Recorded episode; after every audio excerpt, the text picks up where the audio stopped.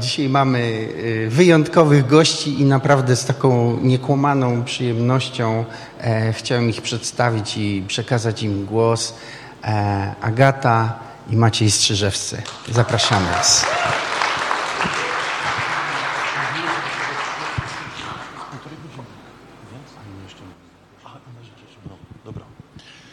Chwała Bogu, cudownie być z Wami.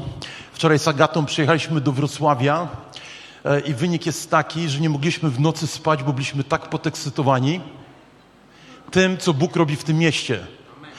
Wczoraj byli, byłem na jednej z najwspanialszych imprez, na jakiej można być. Wiecie, sobota wieczór. Polacy lubią się bawić. Poszliśmy na dworzec i modliliśmy się o pasażerów. Słuchajcie, coś niesamowitego, ale, ale ludzie we Wrocławiu, ja nie wiem, czy są ludzie z Wrocławia, którzy wyjeżdżali, czy to ci, którzy wracali do swoich domów, są bardzo, bardzo otwarci i mają wielki głód słowa. Staszek, tak? Staszek. Staszek mnie wczoraj tam zabrał. Y, przyszło razem około 12 osób. Uwielbiliśmy Boga e, i zaczęliśmy podchodzić do ludzi, którzy tam siedzieli na ławkach, stali gdzieś na schodach, e, siedzieli. E, spore wyzwanie, dlatego że czasu jest niewiele, a dwa światy mają się spotkać. I to te światy takie, na, gdzie często jest wielkie tarcie pomiędzy jednym a drugim. Słuchajcie, Pan Bóg tak pobłogosławił, że na osiem kontaktów, które my mieliśmy, sześć było bardzo udanych, gdzie, gdzie podeszliśmy i mówimy, e, rozmawiamy z ludźmi na temat ich stosunku do Boga. E, I w tych sześciu przypadkach udało z tymi osobami się pomodlić, e, nawet z człowiekiem, który powiedział, że jest niewierzący, nie wierzy w Boga, Bóg go nie interesuje, zakończyło się tym, że pomodliśmy się o niego, a on za tą modlitwę podziękował.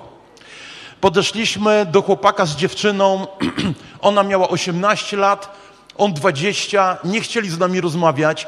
Wydawałoby się, że rozmowa jest zakończona, ale Pan dał e, myśli i zażartowaliśmy na początku, także oni się bardzo otworzyli, zaczęli się śmiać.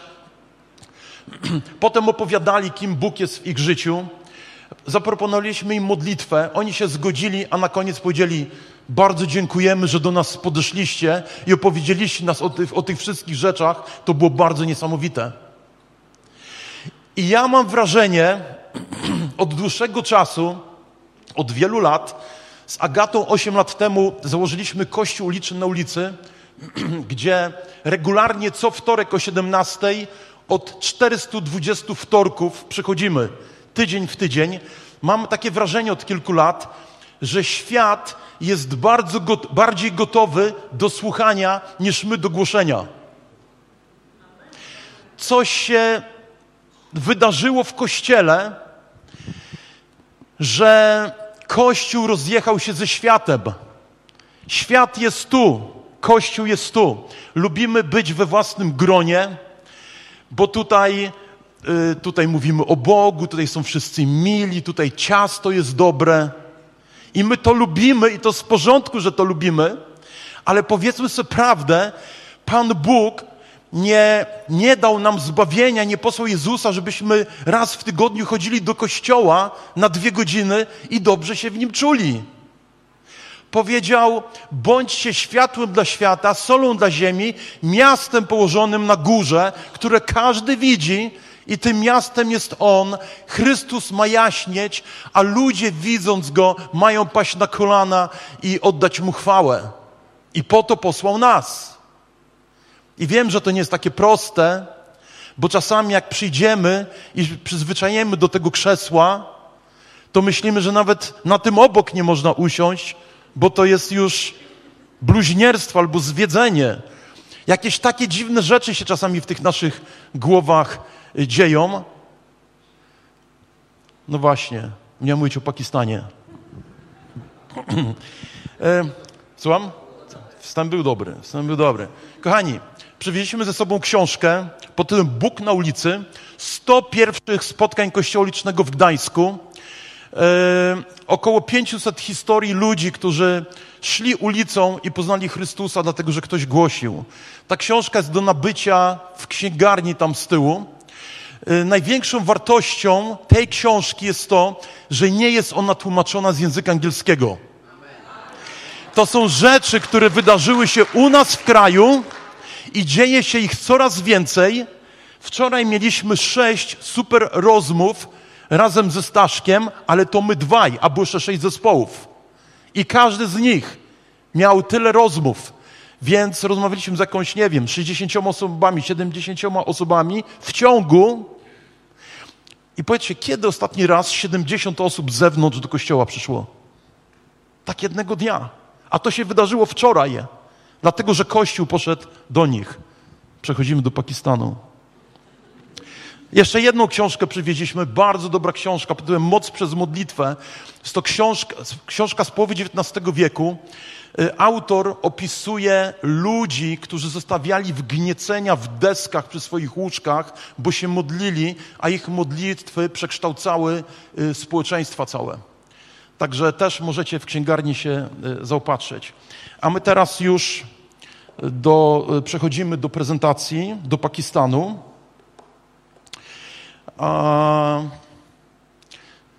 Jestem we właściwym miejscu, żeby o tym mówić, dlatego że wasz kościół uwolnił dwie chrześcijańskie rodziny. Trzy, przepraszam, już straciłem.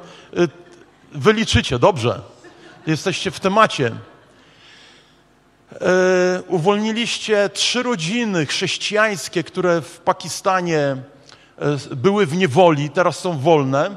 Możemy prezentację puścić? W 2018 roku Pan Bóg posłał e, mnie i Agatę do tego szalonego kraju pomiędzy Iranem, Afganistanem, Indiami i Chinami. Do dzisiaj nie wiemy, jak to się w ogóle wydarzyło, że, że, że to było możliwe. Kiedy mieliśmy już bilety i byliśmy podekscytowani, że pojedziemy tam, żeby zobaczyć, jak działa Kościół w Pakistanie, ktoś nam powiedział, musicie wziąć pod uwagę, że może być to podróż w jedną stronę. Druga osoba powiedziała: Uważajcie na snajperów.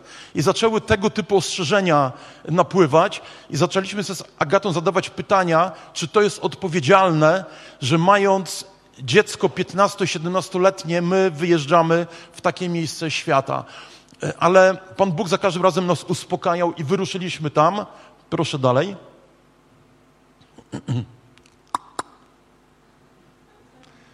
A dobra, sprawdzimy, czy macie dar języków. Co tu jest napisane?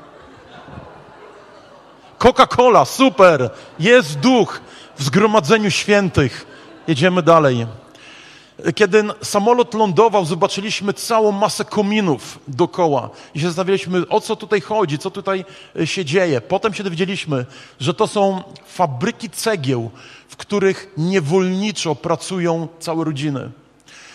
Dowiedzieliśmy się, że Biedni ludzie w Pakistanie, bardzo, bardzo biedni, tak biedni, że u nas osoby bezdomne są bogate.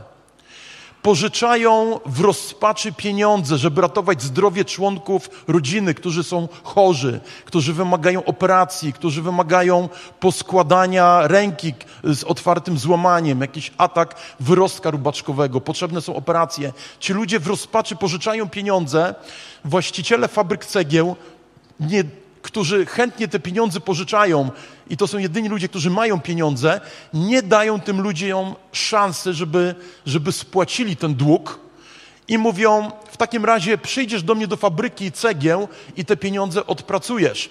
Jeżeli ta rodzina na to się zgodzi, oznacza to dla nich dożywocie, dożywocie dla ich dzieci i dla dzieci dzieci i rozpoczyna się dynastia niewolników. Media y, muzułmańskie Y, które się nazywają Al Jazeera z Kataru, bardzo szczegółowo ten proceder opisały i wskazały na końcu, że ofiarą niewolnictwa w Pakistanie są chrześcijanie. Muzułmańskie medium y, w, y, opi, opisało, potępiając ten proceder. I dalej, proszę. E, I to było rok temu, odwiedziliśmy jedną z fabryk cegieł, zobaczyłem dalej, zobaczyłem dzieci, które pracują przy, przy produkcji cegieł, dzieci poparzone. E, i poprosiłem naszego tłumacza, żeby tą rodzinę przyprowadził. Ja sobie przypomniałem, że dostałem zgłoszenie kilka tygodni wcześniej odnośnie tej rodziny, gdzie była opisana ich historia, i teraz widzę tych ludzi w cztery oczy i pytam się, co się wydarzyło, dlaczego chłopcy są poparzeni. Matka zaczyna płakać, ojciec zaczyna płakać i nic nie chcą nam powiedzieć. Tłumacz mówi, nic nie powiedzą, bo wy jedziecie, o nich skatują. E, będą milczeli, nic nie powiedzą. Potem z pastorem porozmawiałem. On powiedział, że dzieci w pewnym momencie zaczęły się bawić i któreś z nich nadepnęło w cegłę i zgniotło cegłę, która została świeżo ulepiona i ten właściciel wrzucił je do ognia. Jedno i drugie. Także tam się dzieją tego typu rzeczy, gdzie ludzie są mordowani na oczach innych, żeby zniechęcić pozostałych do jakiegokolwiek buntu. I, i co tydzień dostaję zgłoszenia, aby, aby tym rodzinom pomóc. Y, pomagamy tym przypadkom takim absolutnie najcięższym. Dalej, proszę. Jeszcze dalej. I wróciliśmy do Polski, jakiś tydzień potem wysłaliśmy pieniądze na uwolnienie tej rodziny i dostajemy zdjęcie, jak oni się pakują, jak wyjeżdżają dalej. I już są i już są wolni, i już są szczęśliwi, i te dzieci już się goją, i już dostają jakieś maście, i już poszli do lekarza. Y, każda z tych uwolnionych rodzin y, jest otoczona opieką, jest wszczepiona w kościół, ma pastora, który się nimi opiekuje. Od tego momentu już nie są sami, są pod opieką. Dalej. E, I to, co jest takie bardzo cenne, to kiedy kiedy taką rodzinę wyciągamy, uwalniamy, otrzymujemy dokument, który jest podpisany przez prawników sądu w Lahore, gdzie jest opisana historia, y, że ci ludzie pożyczyli pieniądze na taki cel, ale i trafili do fabryki cegieł, żeby spłacić pieniądze, ale pomimo tego, że pracowali 14 godzin dziennie, to już nie jest napisane, y, przez 20 lat, 7 dni w tygodniu, nie byli w stanie spłacić 200 dolarów, które pożyczyli. Wręcz przeciwnie, ten dług im cały czas rósł. Rozumiecie? No już nie można więcej pracować niż 14 godzin, 7 dni w tygodniu. Także e, otrzymujemy taki dokument, który nazywamy aktem uwolnienia i on coś nam przypomina, że kiedyś ktoś spłacił dług za nas i nasz dług został zmazany i staliśmy się wolni. Także teraz my w jaki sposób możemy tą miłość odzwierciedlać, której doświadczyliśmy na innych osobach. I rzeczą najbardziej niesamowitą jest to, że na ten moment mamy 316 takich dokumentów. Każdy z nich reprezentuje jedną rodzinę. Tych rodzin jest tam bardzo dużo w Pakistanie, ale dla każdej z nich to, co zrobiliśmy, ma stuprocentowe znaczenie. Każda z nich dostała pracę, ma nowe mieszkanie. Ci ludzie nie są w kłopotach, bo pili i wszystko przepili. To nie jest to. Pomagamy, wyciągamy do nich rękę lekko i oni już od tego momentu chodzą na własnych nogach i pomagają innym. Proszę dalej. Dalej. To jest inna uwolniona rodzina. Dalej. E, I, I, rzeczą taką bardzo ważną w tym wszystkim jest to, że w Pakistanie jest trudno znaleźć pracę komukolwiek, a chrześcijanom to już zupełnie. Jeżeli otrzymują pracę jako sprzątacz na ulicy, to jest dobrze, że w ogóle jakąkolwiek pracę mają. I my teraz w tych 316 przypadkach musieliśmy tym ludziom dać pracę, bo ta pomoc nie miałaby sensu, żeby ich wyciągnąć i zostawić na ulicy. Jesteś wolna, teraz idź sobie rać. Dajemy im pracę i oni od tego momentu już są w stanie płacić za rachunki, wynajmować mieszkanie, wysyłać dzieci do szkoły. I teraz te prace są bardzo ciekawe, bo część osób, tych takich prostych, sprząta gdzieś tam w jakichś biurach, składa jakieś kartony, coś tam pakuje, ale ostatnie kilkadziesiąt przypadków to są ludzie, którzy pokonali drogę od od niewolnika do przedsiębiorcy, prowadzą własne biznesy. prowadzą stragany z owocami, z warzywami, w większości przypadków, swoje sklepy spożywcze, kupujemy im riksze i są taksówkarzami, płacimy pierwszą ratę za riksze, następne raz, te raty już, już, już spłacają sami. Dalej, proszę. Tu jest jeden z tych, tych mężczyzn, który ma własny stragan. Dalej. Jeszcze dalej. Jakiś czas temu dostaliśmy informację, że jest pewien młody chłopak w fabryce cegieł od 15 lat, który pracuje 14 godzin dziennie, a potem idzie głosić Ewangelię. Reszta ludzi pada, bo nie ma siły, a on idzie głosić Ewangelię. I napisali do nas: pomóżcie jemu, bo niedługo go zabiją, po prostu tak działa na nerwach właścicielom, którzy są radykalnymi muzułmanami, a on po prostu głosi Chrystusa po pracy, w nocy, prawie nie śpi. Setki ludzi wyciągnął y, dla, dla, dla Boga. A, I byliśmy bardzo poruszeni. Wysłaliśmy pieniądze. Proszę kolejny, kolejny slajd. To jest ten sam mężczyzna z lewej strony. Kilka tygodni później y, zaczął pracować w biurze kościoła, a kilka miesięcy potem stał się pastorem jednego z kościołów. Tak faktycznie prowadzi w tej chwili kilkanaście kościołów. Przyrost kościoła jest tak wielki, że każdy pastor zajmuje się około dwudziestoma kościołami, którymi, które odwiedza od poniedziałku do czwartku rotacyjnie, a piątek poświęca na zakładanie nowych zborów.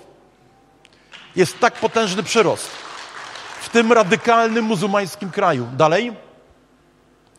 A to są właściciele fabryk cegieł, ci źli ludzie, którzy, którzy innych e, ciemiężą. E, nie pomożemy im, dopóki nie będziemy ich kochali. Nie, będziemy, nie pomożemy im, dopóki nie będziemy ich błogosławili.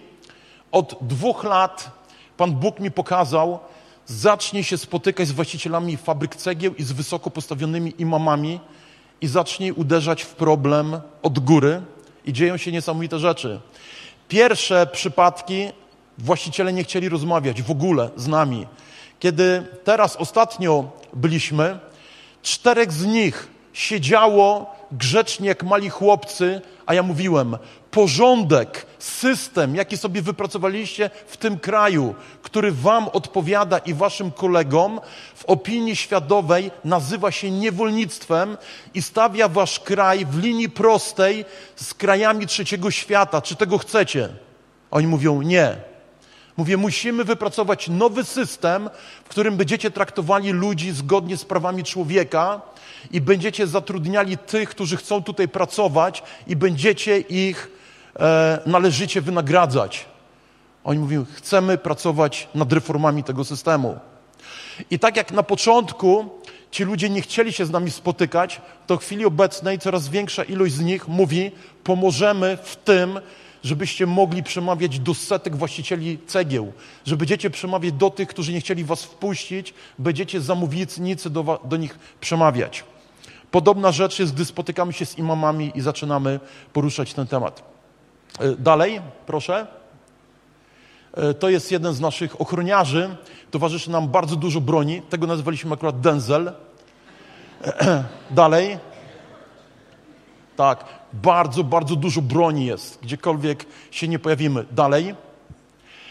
Kiedy powiedzieliśmy po raz pierwszy, że przyjedziemy, nasz partner powiedział, ale super, zorganizujemy jakąś ewangelizację. Agata, Agata miała być mówcą. Przepraszam.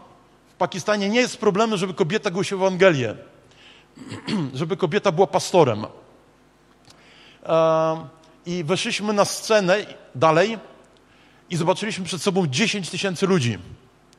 Pastor powiedział, fajnie, że przyjeżdżacie, zorganizujemy jakąś ewangelizację. Faktycznie to nie była duża ewangelizacja, dlatego że dwa lata temu w, w, w, październiku i w listopadzie każdego tygodnia John, tak się nazywa nasz partner, organizował ewangelizację w miejscu, w którym nigdy do tej pory nie była głoszona Ewangelia i w, do każdego z tych miejsc przyszło od 80 do 120 tysięcy ludzi. Aleluja, chwała Bogu.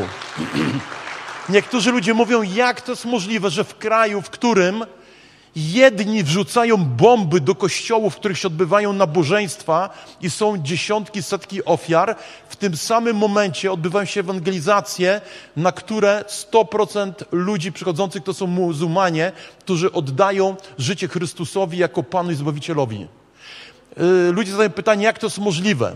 Otóż odpowiedź jest taka, że Bóg jednym zakrywa oczy, a dla drugich szeroko otwiera drzwi.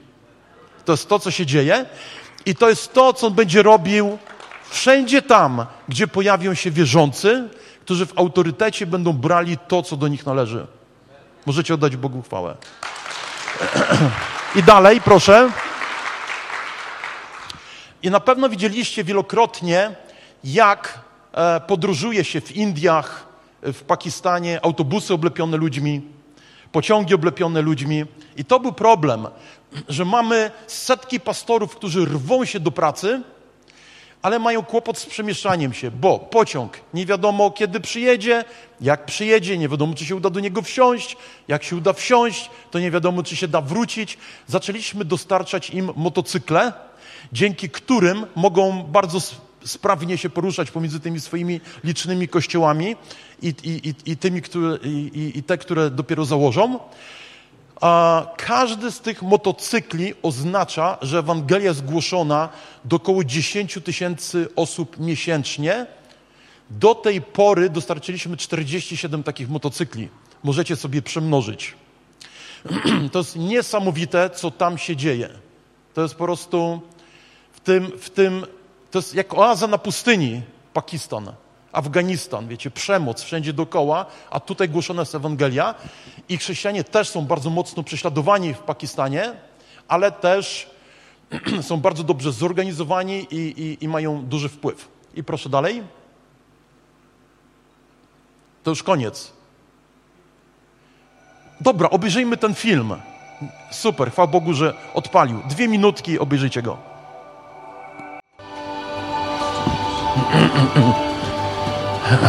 Dostrzegliście tą przemianę przed i po tych rodzin? A też widzieliście dzieci w szkole? A to są szkoły, które zakładamy w fabrykach cegieł. Nie jesteśmy w stanie wszystkich rodzin wyciągnąć, ale już, ale staramy się już dla, robić coś dla wielu ludzi, którzy tam się znajdują. Otwieramy szkoły, w których dzieci się uczą na temat swojej wartości, gdzie się uczą Biblii.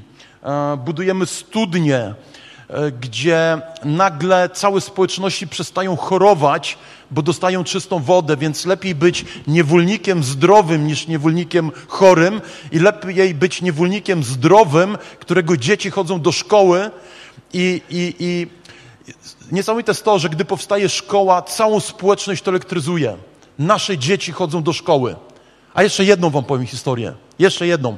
Byliśmy z Agatą w szkole, bardzo to, to, wiecie, to, to jest wielkie słowo szkoła. Dzieci siedzą na ławkach, mają szkoły, często nawet, mają, nawet często stołów nie mają. Są bardzo proste, rodzice nie są w stanie ich niczego nauczyć, nie umieją pisać, nie umieją czytać. E, I kiedyś zadaliśmy pytanie, kim chciałybyście być w przyszłości?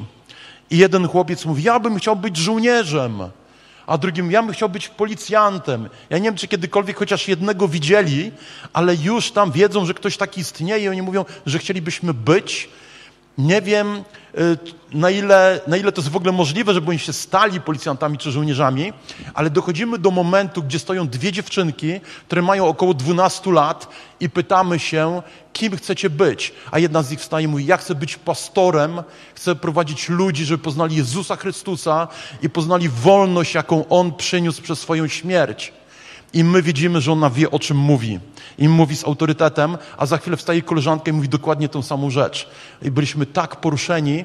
Duch Święty po prostu przychodzi, objawia, objawia rzeczy i daje powołanie i dzieją się tam wielkie rzeczy. Dziękuję za wysłuchanie. Bogu nie będzie chwała.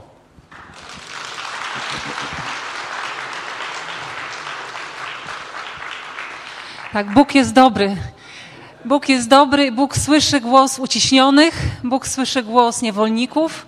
E, Bóg posyła czasami ludzi z Kaszub, żeby pojechali do Pakistanu i żeby coś zrobili, żeby zanieśli tam wolność. I to nas z Maćkiem cały czas zdumiewa, że w 2018 roku nie wiedzieliśmy nic o Pakistanie i tak naprawdę nie wiedzieliśmy, że tam są niewolnicy. To dopiero na miejscu się okazało. E, ale pojechaliśmy tam dlatego, że wiedzieliśmy, że tam toczy się jedne z największych duchowych przebudzeń na świecie i chcieliśmy to zobaczyć. Z Maćkiem zawsze byliśmy zainteresowani tym, jak Pan Bóg działa, kiedy działa z mocą e, i chcieliśmy znaleźć też taki sekret, klucz, jak to jest, że w takim kraju Bóg potrafi tak mocno działać. E, w Polsce też byśmy chcieli mieć takie przebudzenie, też byśmy chcieli mieć e, takie problemy, żeby przychodziło 10 tysięcy osób czy 80 tysięcy osób na ewangelizację.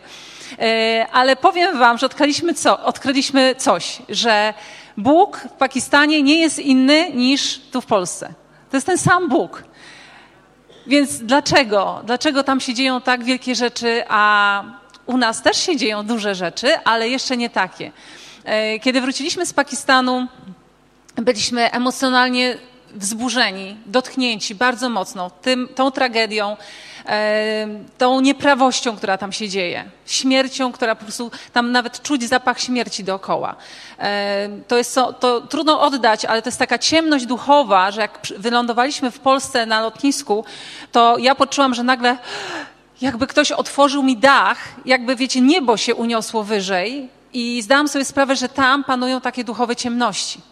E, podobno Amerykanie, są, którzy e, są misjonarzami w Polsce, jak jadą do siebie, to czują to samo w porównaniu z Polską. E, w każdym razie, kiedy wróciliśmy, właśnie byliśmy w takiej opresji, nie mogliśmy spać, nie mogliśmy się cieszyć niczym. I dopiero kiedy zaangażowaliśmy się tak, tak czynnie w pomoc, to, to ta ciemność z nas jakby uleciała. Ale ja od początku zadawałam Bogu pytanie: Boże, jak to jest? Dlaczego tam jest takie duchowe przebudzenie? Jak my możemy mieć to samo tutaj w Polsce? Zawsze interesowało mnie to, kiedy czytałam dzieje apostolskie, czytałam różne książki o przebudzeniach, które były e, na świecie jak, jak to się dzieje, jak my, co my możemy zrobić, żeby było przebudzenie tutaj u nas. I wiecie, czasami myślimy wielkimi liczbami, żeby było przebudzenie w całym kraju, ale jak mieć przebudzenie w swoim sercu, jak mieć przebudzenie w swojej rodzinie, to jest pytanie, które każdy z nas powinien sobie zadać. E, I e, Pan Bóg do mnie przemówił takim wersetem, powiedział tak: Jeżeli chcesz znać sekret przebudzenia, które ja przyniosłem na ziemię, to otwórz 12 rozdział Ewangelii Jana i 24 werset. Jeżeli Was to ciekawi, to też otwórzcie. Jezus powiedział tutaj takie słowa. Zaprawdę, zaprawdę powiadam Wam, jeśli ziarno pszenicy wpadłszy w ziemię, nie obumrze, samo zostaje. Jeśli jednak obumrze, wydaje obfity plon. I tak sobie wyobraziłam takie ziarno. Wiecie, każdy z nas jest takim ziarnem. I każdy z nas ma do wyboru albo samemu być zbawionym jedynie. Wierzę, że skoro tu jesteście, to przyjęliście Jezusa jako swojego Zbawiciela i jesteście zbawieni, zbawieni, już czekacie na Jego powrót. I możecie być takim pojedynczym ziarnem, które pyk pójdzie do nieba, kiedy Pan Jezus wróci po nas. Ale Bożym celem dla każdego jest z nas to, żeby to ziarno było pomnożone Żebyśmy nie byli pojedynczy, tylko żebyśmy przynieśli Bogu obfity plon, żebyśmy weszli całymi rodzinami, całymi grupami, z sąsiadami, ze znajomymi. Żeby to nie było tak, że ty jesteś teraz takim kryptochrześcijaninem i ty wiesz, że masz relację z Bogiem, ale nikt dookoła ciebie nie, nie wie o tym i, i nikomu nie powiesz, bo się wstydzisz, bo się boisz. I dlatego to ziarno twoje w jakiś sposób zostanie trochę niewykorzystane, tak? Pan Bóg by chciał, żeby nasze ziarna były dobrze wykorzystane. I Jezus powiedział te słowa, bo oczywiście odnosił się do swojej śmierci, odnosił się do tego, co On zrobił, bo On był ziarnem, które wpadło do ziemi i On umarł, tak jak ziarno, które wpada do ziemi, to jak gdyby umiera, tak? Ono znika. Wydaje się, że już nic z niego nie będzie. A jednak jest to proces niezbędny, ta śmierć ziarna jest niezbędna, żeby mogło dojść do zmartwychwstania i żeby owoc, owoc mógł wydostać się na ziemię. I Jezus tutaj mówi o swojej śmierci i o pewnym sposobie, który Bóg działa, kiedy chce, żeby działy się wielkie rzeczy. Jezusowi e, e, oferowano, pamiętacie, jak diabeł spotkał się z nim na pustyni i powiedział mu: Jeżeli padniesz przede mną na kolana, to dostaniesz wszystkie królestwa świata. Co to za pokusa jest? Diabeł dobrze wiedział, że Jezus jest posłany właśnie po to, żeby stać się królem wszystkich narodów. I ta pokusa odnosiła się do jego powołania. I diabeł oferował mu drogę na skróty. Po co masz iść na krzyż? Po co masz tyle cierpieć? Po co masz tą trudną drogę wybierać? Wystarczy, że uklękniesz i dostaniesz to, po co tu przyszedłeś. Wypełnisz swoje powołanie, będziesz królem wszystkich narodów. Ale Jezus powiedział: Nie, to jest droga, to jest jedyna droga przez śmierć. I wiecie, kiedy wróciliśmy z Pakistanu, Bóg dużo do mnie zaczął mówić na temat śmierci samej siebie. I to nie jest nowy temat w chrześcijaństwie, ale z drugiej strony jest to nowy temat, cały czas trudny, szczególnie teraz, kiedy żyjemy w takim wieku konsumpcyjnym bardzo mocno i kościoły też są konsumpcyjne. My lubimy te ciasto i herbatę, my lubimy dywany, miękkie krzesła. To jest wszystko przyjemne i to nie jest jakby złe, ale z drugiej strony możemy tak przyzwyczaić się do wygody, do tego, żeby nam było przyjemnie, że zapominamy o tej części Ewangelii, która jest trudna i niewygodna. Gdzie Jezus mówił, że jeżeli chcesz iść za mną, czy chcesz iść za mną, jeżeli bym was zapytała, kto chce iść za Jezusem, przypuszczam, wszyscy podniosą rękę, ale Jezus mówi dalej, kto chce pójść za mną, niech się zaprze samego siebie, niech weźmie swój krzyż, idzie za mną, mnie naśladuje. Czyli bycie uczniem Jezusa oznacza, że my również umieramy dla siebie samych. Chodzenie z krzyżem oznacza, że ty z każdym krokiem umierasz dla siebie. I Królestwo Boże w ten sposób się rozwija, kiedy my umieramy dla siebie, umieramy dla siebie każdego dnia. Czy to oznacza, że każdy z nas ma iść na krzyż, że ma się dać ukrzyżować, czy ma się dać zabić za zagłoszenie Ewangelii? Nie, ale śmierć ma wiele wymiarów. I w Pakistanie widzieliśmy, jak ludzie poświęcają swój czas, poświęcają każdą swoją wolną chwilę na to, żeby głosić Ewangelię. My czasami myślimy, że skoro się zmęczyliśmy w pracy, w domu, to potrzebujemy teraz odpoczynku, to wiecie, no teraz muszę coś zjeść, muszę sobie włączyć jakiś program, może jakiegoś Netflixa zobaczymy, może pojedziemy, pojedziemy do jakiegoś parku wodnego, żeby odpocząć. I to są dobre rzeczy. Ale w Pakistanie zobaczyliśmy jakiś inny poziom poświęcenia. Inny poziom służby. Co to znaczy służyć? Co to znaczy oddawać swoje życie? Poznaliśmy Daniela, który jest szwagrem pastora Johna. To jest młody chłopak, który jest menadżerem w McDonaldzie. To jest taka prestiżowa praca dla chrześcijan. Tak a propos, chłopak tak niesamowicie opowiada o Bogu i żyje tym Bogiem, że jego pracownicy, którzy są muzułmanami, przychodzą do niego i proszą go o radę i proszą go o modlitwę. Jego chrześcijana, chrześcijanina proszą o modlitwę. Więc ma taki autorytet. I chłopak pracuje 6 dni w tygodniu, po 10 godzin dziennie, a po pracy wsiada na motocykl, jedzie na takie te, w takie tereny, gdzie nikt jeszcze nie głosił Ewangelii i tam głosi przez parę godzin. To są wioski, to są miejsca, gdzie mogą, może być łatwo zabity. Jego przyjaciele mówią, Daniel, ty przesadzasz. Przecież tam cię mogą zabić. A on mówi, ale mnie jeszcze nie zabili. A tam, gdzie głoszę, powstają kościoły i rozwija się Królestwo Boże. On parę godzin głosi, po czym wsiada na motocykl, wraca do domu, tak, że czasami w ogóle nie śpi, tylko od razu idzie do pracy i tak sześć dni w tygodniu. I my mówimy, Daniel, jak ty to robisz? Jak ty możesz to robić? On mówi, Duch Święty. To Duch Święty mnie do tego nakłania. I tam widzieliśmy mnóstwo ludzi, którzy w ten sposób żyją. Po prostu nie mają swojego życia, nie mają prywatnego życia. Oni to prywatne życie oddali Bogu. I myślę sobie, wow, to my po prostu niewiele wiemy w Europie, co to znaczy iść za Jezusem. My myślimy, że jeżeli przyjdziemy raz w tygodniu, może dwa razy w tygodniu do kościoła, poświęcimy pół godziny na czytanie Biblii w ciągu dnia, wow, to jest osiągnięcie. Częścią odpowiedzi na to pytanie, dlaczego tam jest przebudzenie, a tutaj nie, dlatego że u nas jest za mało śmierci. Za mało śmierci dla siebie samych. Te słowa, kto miłuje swoje życie, a utraci je, e, kto miłuje swoje życie, utraci je, a kto nienawidzi swego życia na tym świecie, zachowa je na życie wieczne. To te słowa o ziarnie, o umieraniu dla siebie, Jezus powiedział w pewnych okolicznościach i ten kontekst tej wypowiedzi jest równie ważny. W 20 wersecie czytamy, że wśród tych, którzy przychodzili do Jerozolimy, żeby oddać cześć Bogu w święto, byli pewni Grecy, czyli poganie. Oni to przyszli do Filipa, który był z Betsaidy w Galilei i prosili go, Panie, chcemy zobaczyć Jezusa. Filip przyszedł i powiedział Andrzejowi, a z kolei Andrzej i Filip powiedzieli Jezusowi.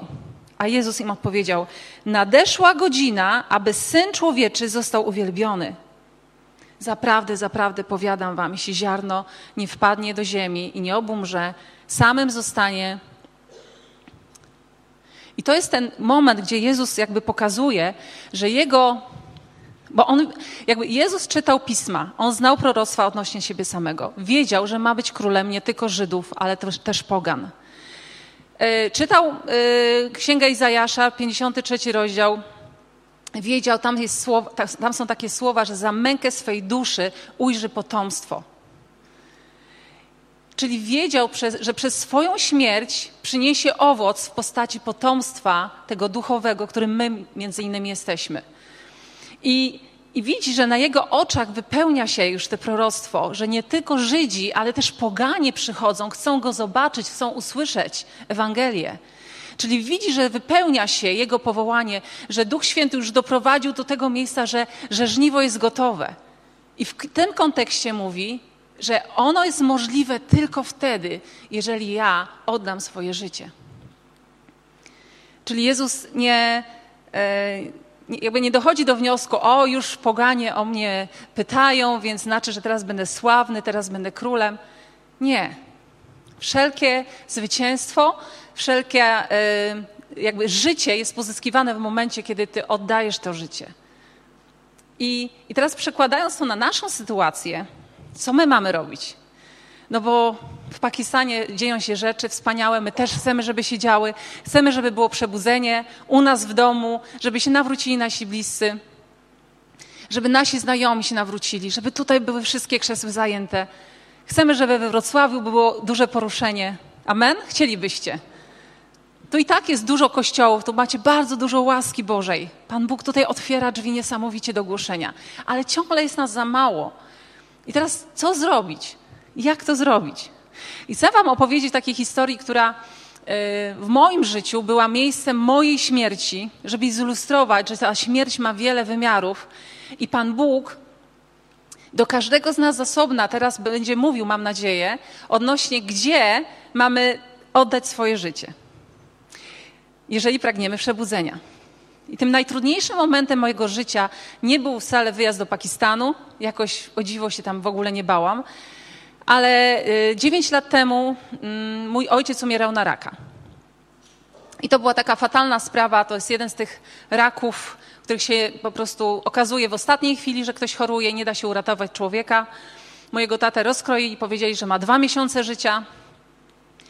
I cała rodzina sparaliżowana strachem. I sytuacja o tyle była straszna dla mnie, że mój tata był osobą niewierzącą.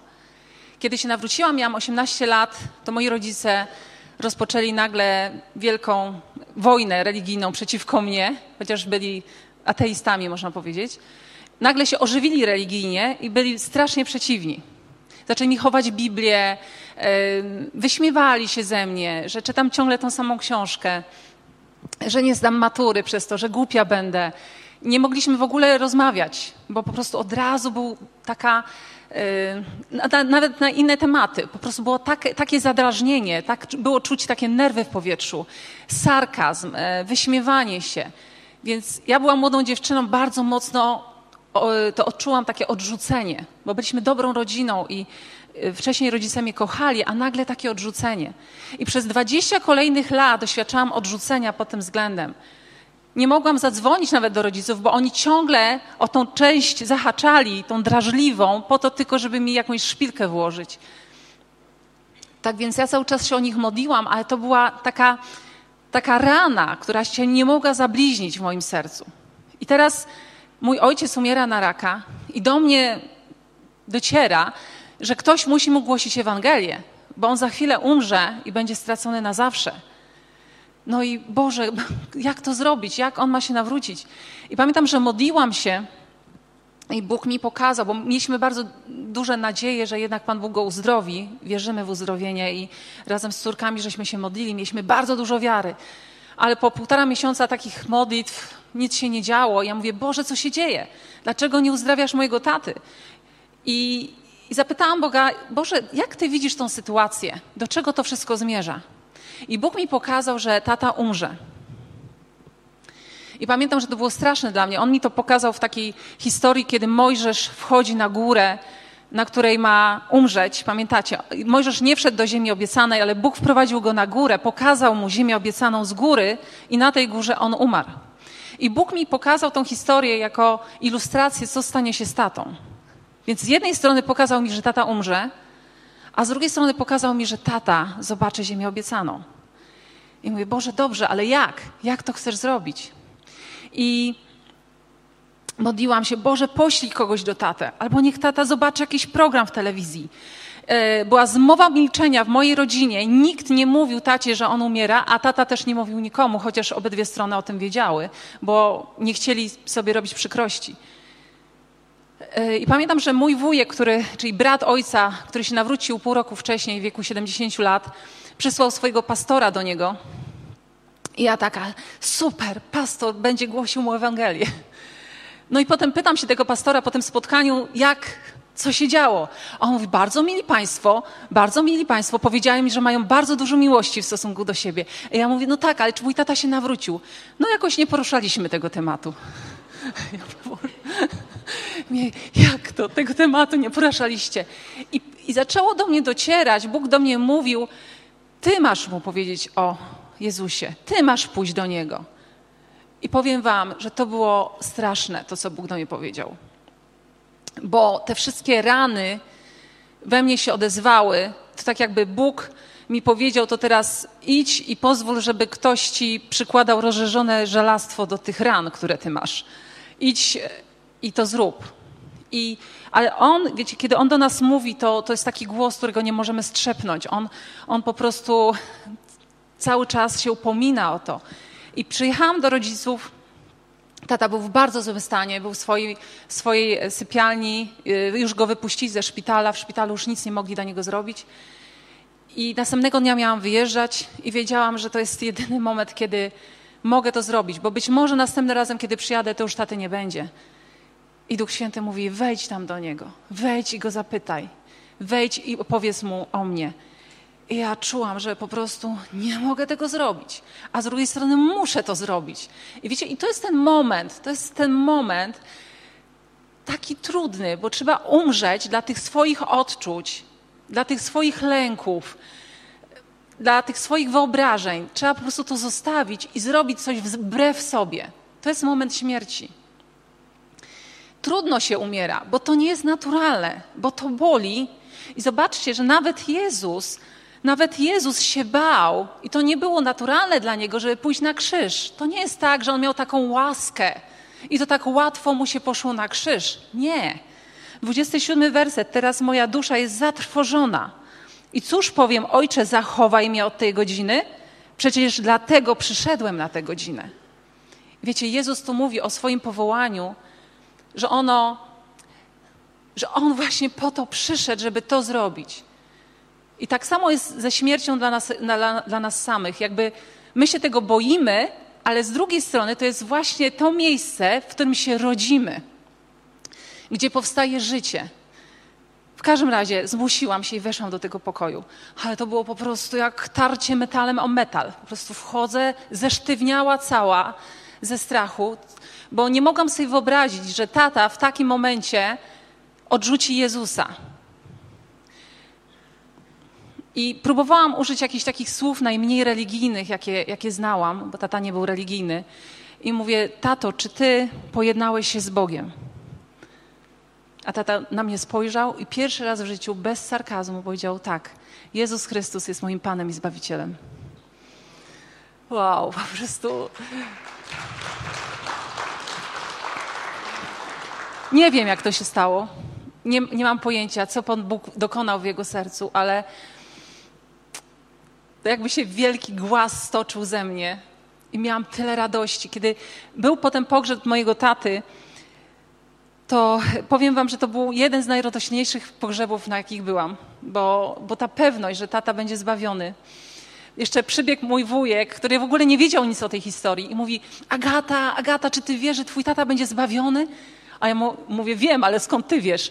A on mówi, bo twój tata, jak umierał, to wzywał imienia Jezusa i rzeczywiście to były jego ostatnie słowa. Jezu, Jezu, mój Panie, pomóż mi.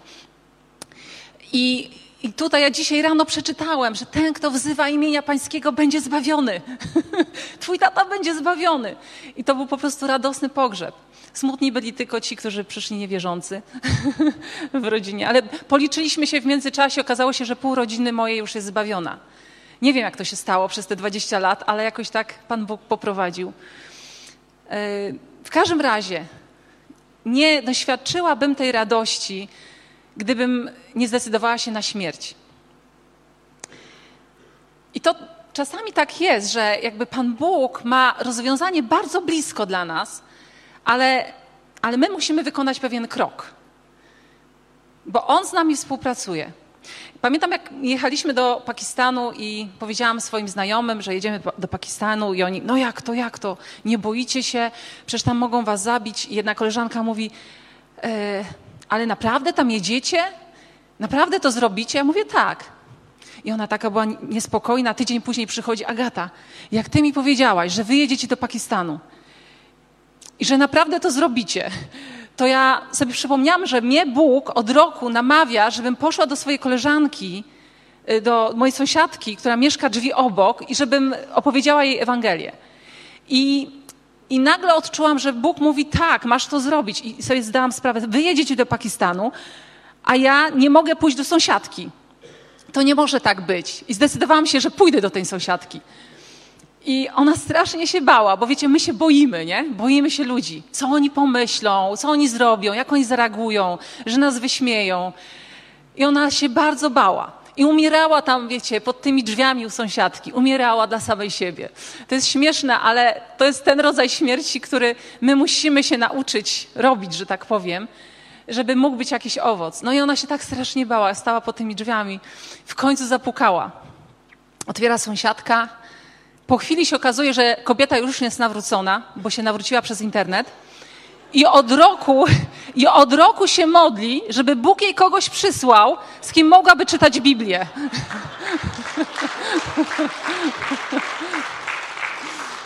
I teraz rozumiecie tę sytuację. Ta od roku się boi, a ta od roku się modli. Są drzwi obok. Dzieli je tylko pewna decyzja, śmierci dla samego siebie. Teraz razem studiują Biblię, teraz razem chodzą do kościoła. I to tak często jest. To są te historie, które też Maciek opowiada, że idziecie na ulicę, wydaje się, ojej, ojej, jak strasznie obcych ludzi zaczepić. Zaczepiasz obcych ludzi, się okazuje, że oni chcą modlitwy, że oni chcą słuchać o Jezusie, że oni są gotowi.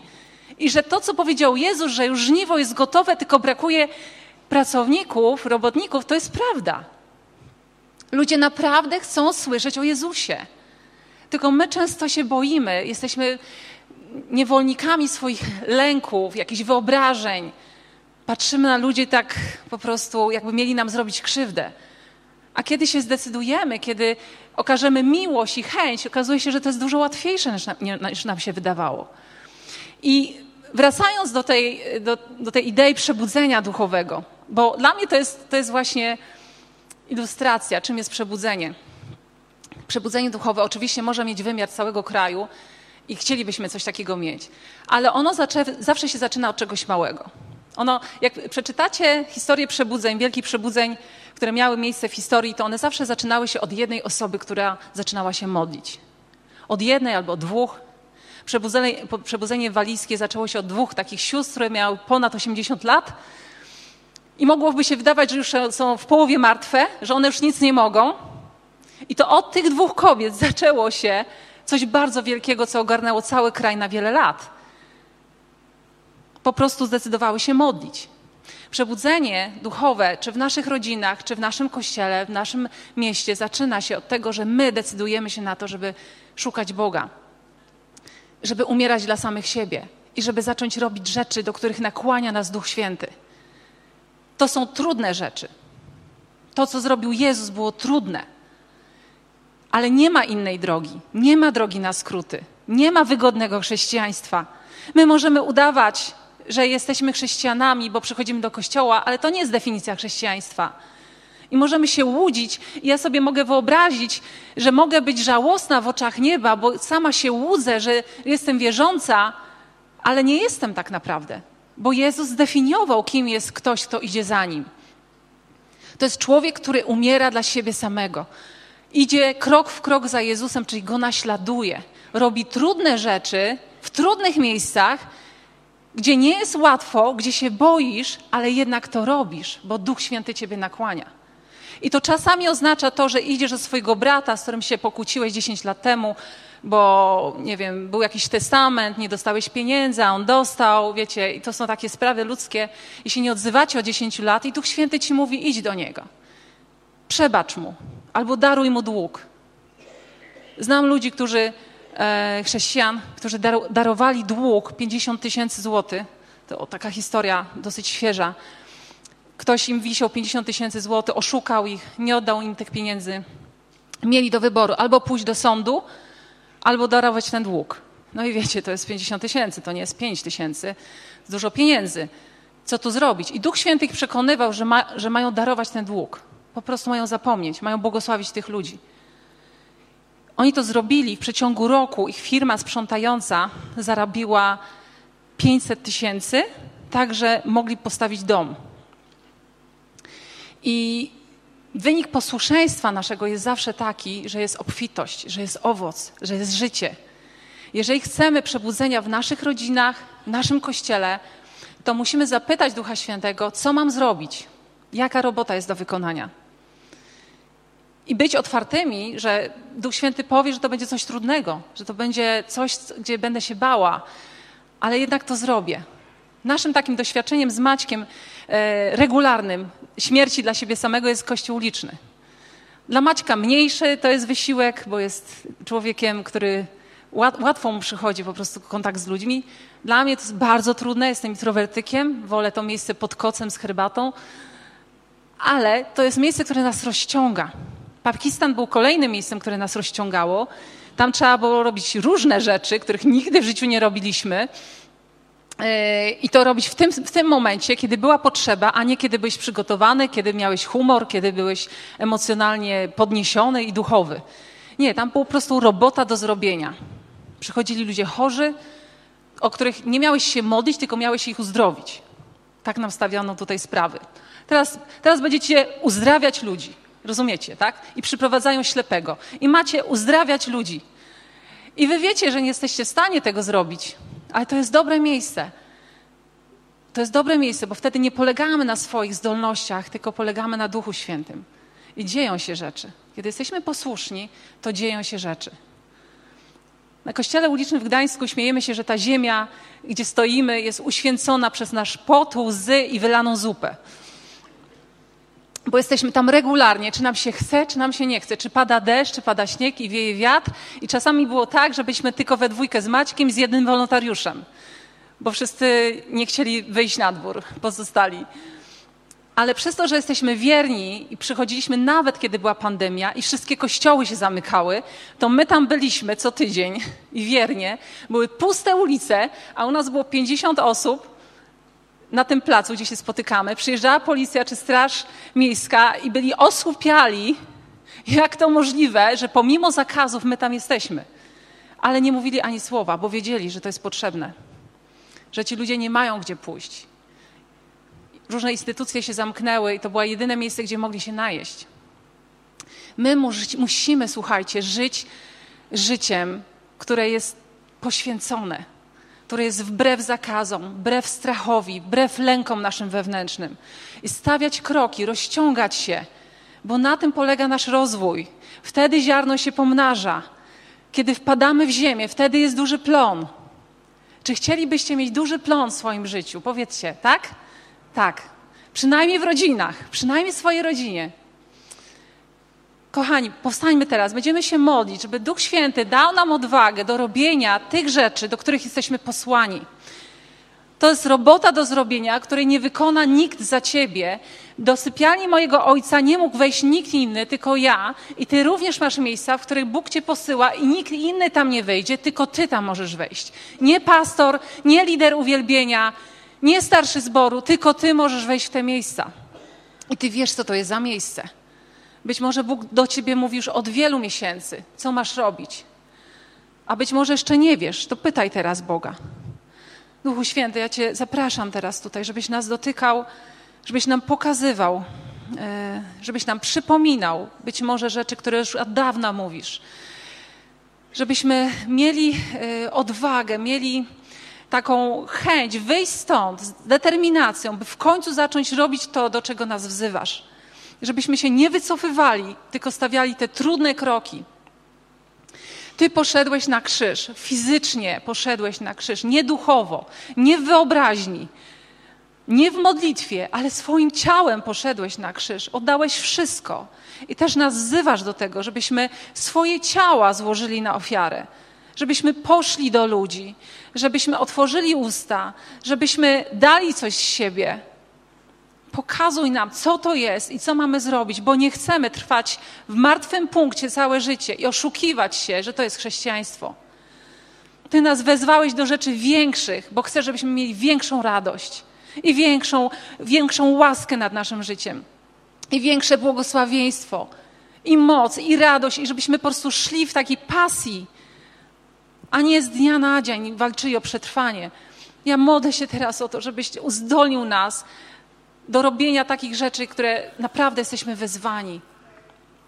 Żebyśmy wypełnili swoje powołanie, żebyśmy Ciebie naśladowali, żebyśmy byli godni Ciebie naśladować, bo Ty zrobiłeś dla nas już wszystko, już więcej się nie da. Powiedziałeś już wszystko. Mamy wszystko, co jest nam potrzebne do życia i pobożności. I chociaż byśmy mieli lęk, to jednak możemy to zrobić. Ty też zrobiłeś to pomimo lęku. Modlimy się teraz, żebyś nas uzdolnił i żebyśmy wychodząc stąd już e, mieli w sercu decyzję, determinację i zaczęli żyć poświęconym życiem. Żeby to, co robisz w Pakistanie, mogło być też udziałem tutaj w Polsce. Żeby tu we Wrocławiu Twoja chwała się objawiła. Żebyśmy byli znani z tego, że poświęcamy swój czas, swoje pieniądze, wszystko, czym jesteśmy, Tobie. Że świecimy z daleka, bo objawiamy Twoją chwałę, bo, bo jesteśmy taką ofiarą, która jest złożona na ołtarzu i ten ogień Twój może w końcu spaść. Może spaść i pochłonąć tą ofiarę. Nie chcemy być letni, chcemy być gorący dla Ciebie. Chcemy, żebyś nas mógł posyłać, żebyś mógł polegać na nas. Chcemy wychodzić poza strefę komfortu, poza to, co jest, do czego żeśmy nawykli do tej pory. Chcemy przestać myśleć o sobie, że coś nas ogranicza, że mamy jakiś charakter albo przeszłość. To wszystko są bzdury. To wszystko jest nieprawdą. Wszystko możemy w Tobie. Wszystko możemy w Tobie. Wszystko możemy w tej mocy, która nas umacnia. Chcemy Tobie żyć na chwałę. Bądź uwielbiony przez to, jak żyjemy, a nie tylko przez to, co mówimy. Bądź uwielbiony przez te trudne miejsca, przez te trudne kroki, które będziemy stawiać. Bo jesteś godny tego, baranku.